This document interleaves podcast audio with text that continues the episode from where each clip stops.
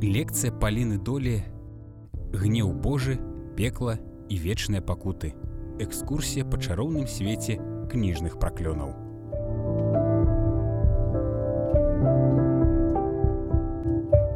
Вы калі-небудзь гублялі бібліятэчную кнігу. Калі так, то верагодна, акрамя пачуцця глыбокага сораму атрымлівалі яшчэ які-небудзь штраф і патрабаванне бібліятэкі вярнуць дакладную копію прапажы.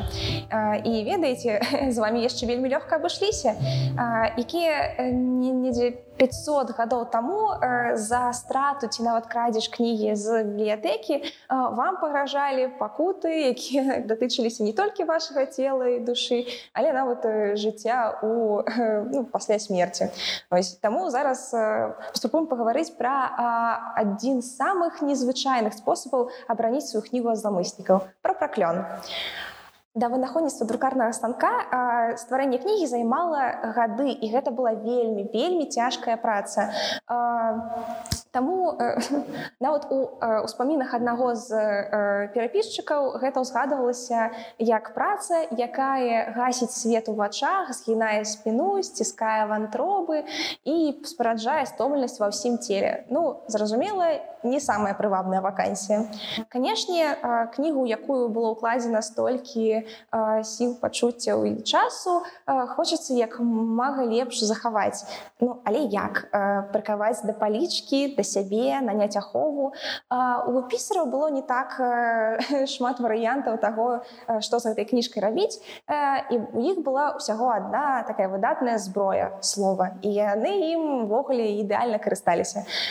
Таму апрыканцы альбо у пачатку кніг з'яўляліся такія невялічкія папярэджанні ўсім хто нават падумаць паспеў пра тое каб гэтую кніжку скрасці так з'явіліся кніжныя праклёны у іх перапісчыкі максімальна узгадывалі ўсе непрыемныя крыважэрныя пакуты аб якіх толькі маглі падумаць бо добры праклён гэта той праклён ад якога паджылкі трасуцца пісцы без усякіх ваганняў ужывалі ўсё што ім галаву прыйдзе ад папярэджанняў пра пакутлівую смерць да жах жах адлучэння ад царквы цяпер канешне нам можа падацца што гэта неяк дзіўна чаму людзі ўвогуле былі засмучаны такім вось праклёнам как той хто ўвогуле ў гэта верыў але ну уявіць сабе сярэднявечча людзі канешне былі пад уражаннем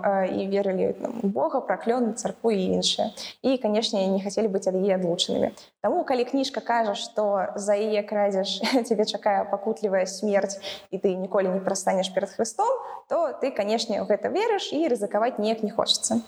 На самай справе традыцыя кніжных праклёнаў узнікла ды больш раней, чым у сярэднявечча.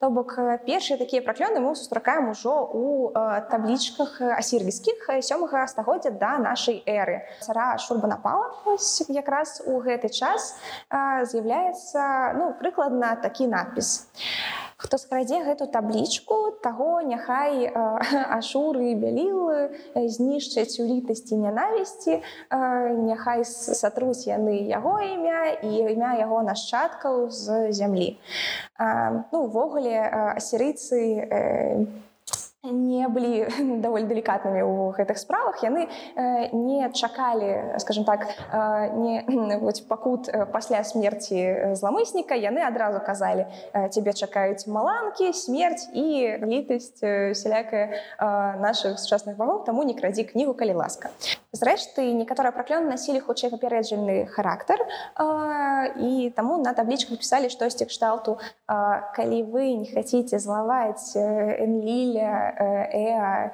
і марнука таму вярніце гэтую кнігу ў дом гаспадара у той жа дзень ось, калі вы яе ўзялі. Канешне росквіт таких антыкрадзежных праклёнаў прыйшоўся непасрэдна на сярэднявечча бо хрысціяне таксама не той как папярэджвалі але адразу шлі ў наступ.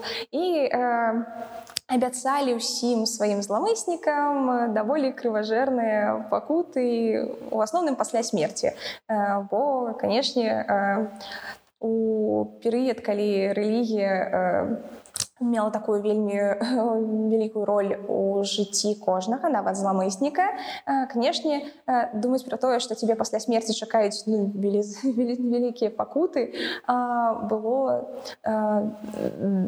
даволі жутка яшчэ адним даволі папулярным найпагрозай было адлучэнне ад царквы і увогуле яны ну, такія праклёны звучалі ў асноўным даволі каротка гэта было адно амаль што самых ну, амаль што самы распаўсюджаны надпіс нешта кшталту няхай меч анафімы пакарае кожнага хто скрадзе гэтую кнігу каротка пагрозлівая і даволі ўразліва але канешне лепшы спосаб адвазіць усіх злачынцаў ад твае кніжкі вельмі падрабязна пісаць што яго чакае пры спробах гэтую кніжку скрасці спойлер у асноўных гэта пакуты ну напрыклад як вам такое каб узяць энцыклапедыю па прыродазнаўству у адной з галандскіх сярэдневяковых бібліятэк трэба было распісацца у спецыяльнай кніжкі тым што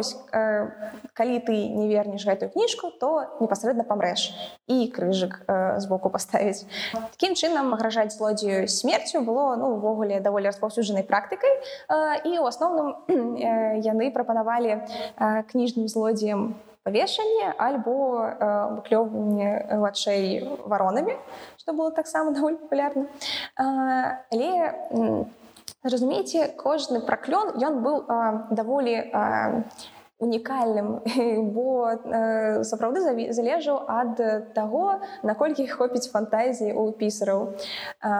Таму мы зараз паспрабуем згадаць некалькі даволі цікавых прыкладаў якія могуць вас уразіць можа напужаць але дакладна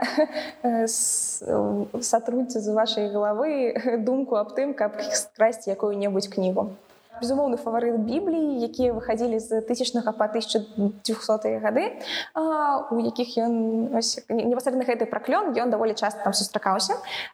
Бо ён такі прыгожы уразлівы і пагрозлівы адначасова. Хто скразе гэтую кнігу хай памрэ пакутлівай смерцю хай яго смажыць на патэльні хай падучка і лихаманка скруціць яго хай ён будзе калісаваны і павешаны. Амен а адчуваеце э, міралюбнасць хрысціянства. Рукапіс 13 стагоддзя з ватыканскай бібліятэкі змяшчае таксама даволі цікавы тэкст.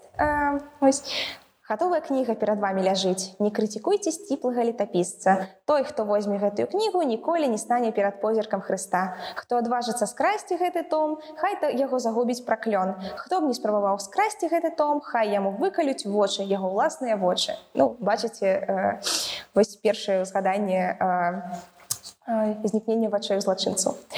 Наступны кніжны праклён быў напісаны адразу на дзвюх мовах на лацінскай і на нямецкай, каб ну, пашырыць мэтавую аўдыторыю, каб усе злачынцы зразумелі, што ім пагрозіць.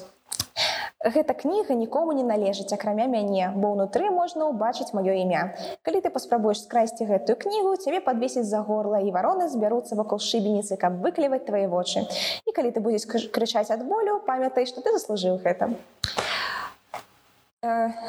выдатныя перспектывы для э, кніжных злодзяў у германії але як наконт невялічка такого крыважэрнага прывітання з францыі у 1502 годзе сымон вастрэ стварыў часаслоў у якім таксама змяшчаўся даволі цікавы кароткі кніжны праклён хто б не скраў гэтую кнігу хай ён будзе разарваны свіннямі хай сэрца яго будзе расколата на часткі а цела валачыцца па рэйне амаль што паэтычна рукапіс 15 стагоддзя з калекцыі герцага арлянска быў вельмі эстэтычны. Ён вельмі прыгожа ілюстраваны.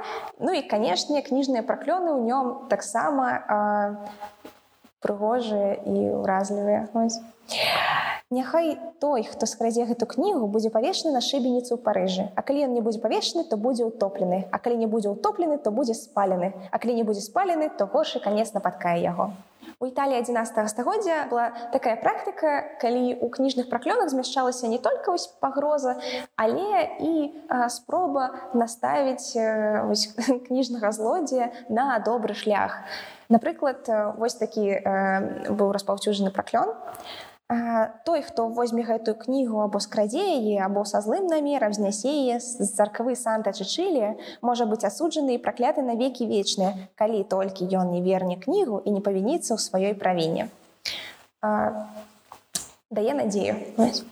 Часам канешне кніжкі часта мянялі сваіх уладароў і іх перапрадавалі штосьці сапраўды кралі і перапрадавалі Але ну вот, а што рабіць з кніжнымі праклёнамі ці падпадае пад іх новы ўладар на гэты конт здарылася даволі такая цікавая амаль што перапіска паміж ударамі яе з разных стагоддзяў Гэтая кніга належыць святой марыі роберт брыжскай хай кожны хто скрадзе яе альбо прадасць альбо нейкім чынам вынесе з гэтай царквы хай будзе адлучаны ад царквы. Амен а далей ідзе вось гэта был надпіс 13 стагоддзя далей ідзе крыху больш позняя прыпіска з 14 -го.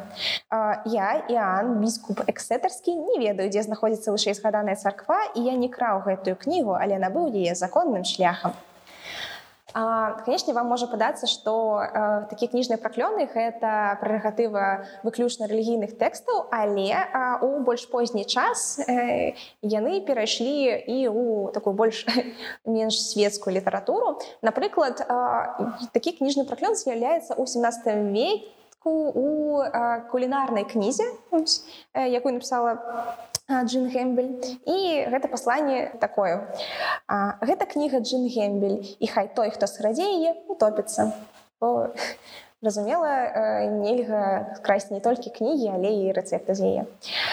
Але ж што стала сёння з кніжнымі праклёнамі? Канешне, зараз кнігі ўжо не такія не такая рэдкасць, яны даволі танныя, але кожны з нас можа сабе дазволіць мець невялічкую хатнюю бібліятэку і больш не трэба змяшчаць у кожнай кнізе вялікі надпіс штосьці кшталтаў скрадзеш памрэш. Але яны гэтыя самыя кніжныя праклёны некалькі змянілі сваю форму і перайшлі ў экслібрысы таксама не тое каб вельмі папулярная з'ява зараз але э, як вам напрыклад такое? Экслібрыс з чалавекам які чытае часопіс а на першым старонкі гэтага часопіса вялікі надпіс э, забіты чалавек які скраў гэту кнігу ну пахадзіцеся вам таксама такое захацелася. Як бы там не было замест крадзяжу кнігі лепш схадзіць у бібліятэку цалейшым будзеце. а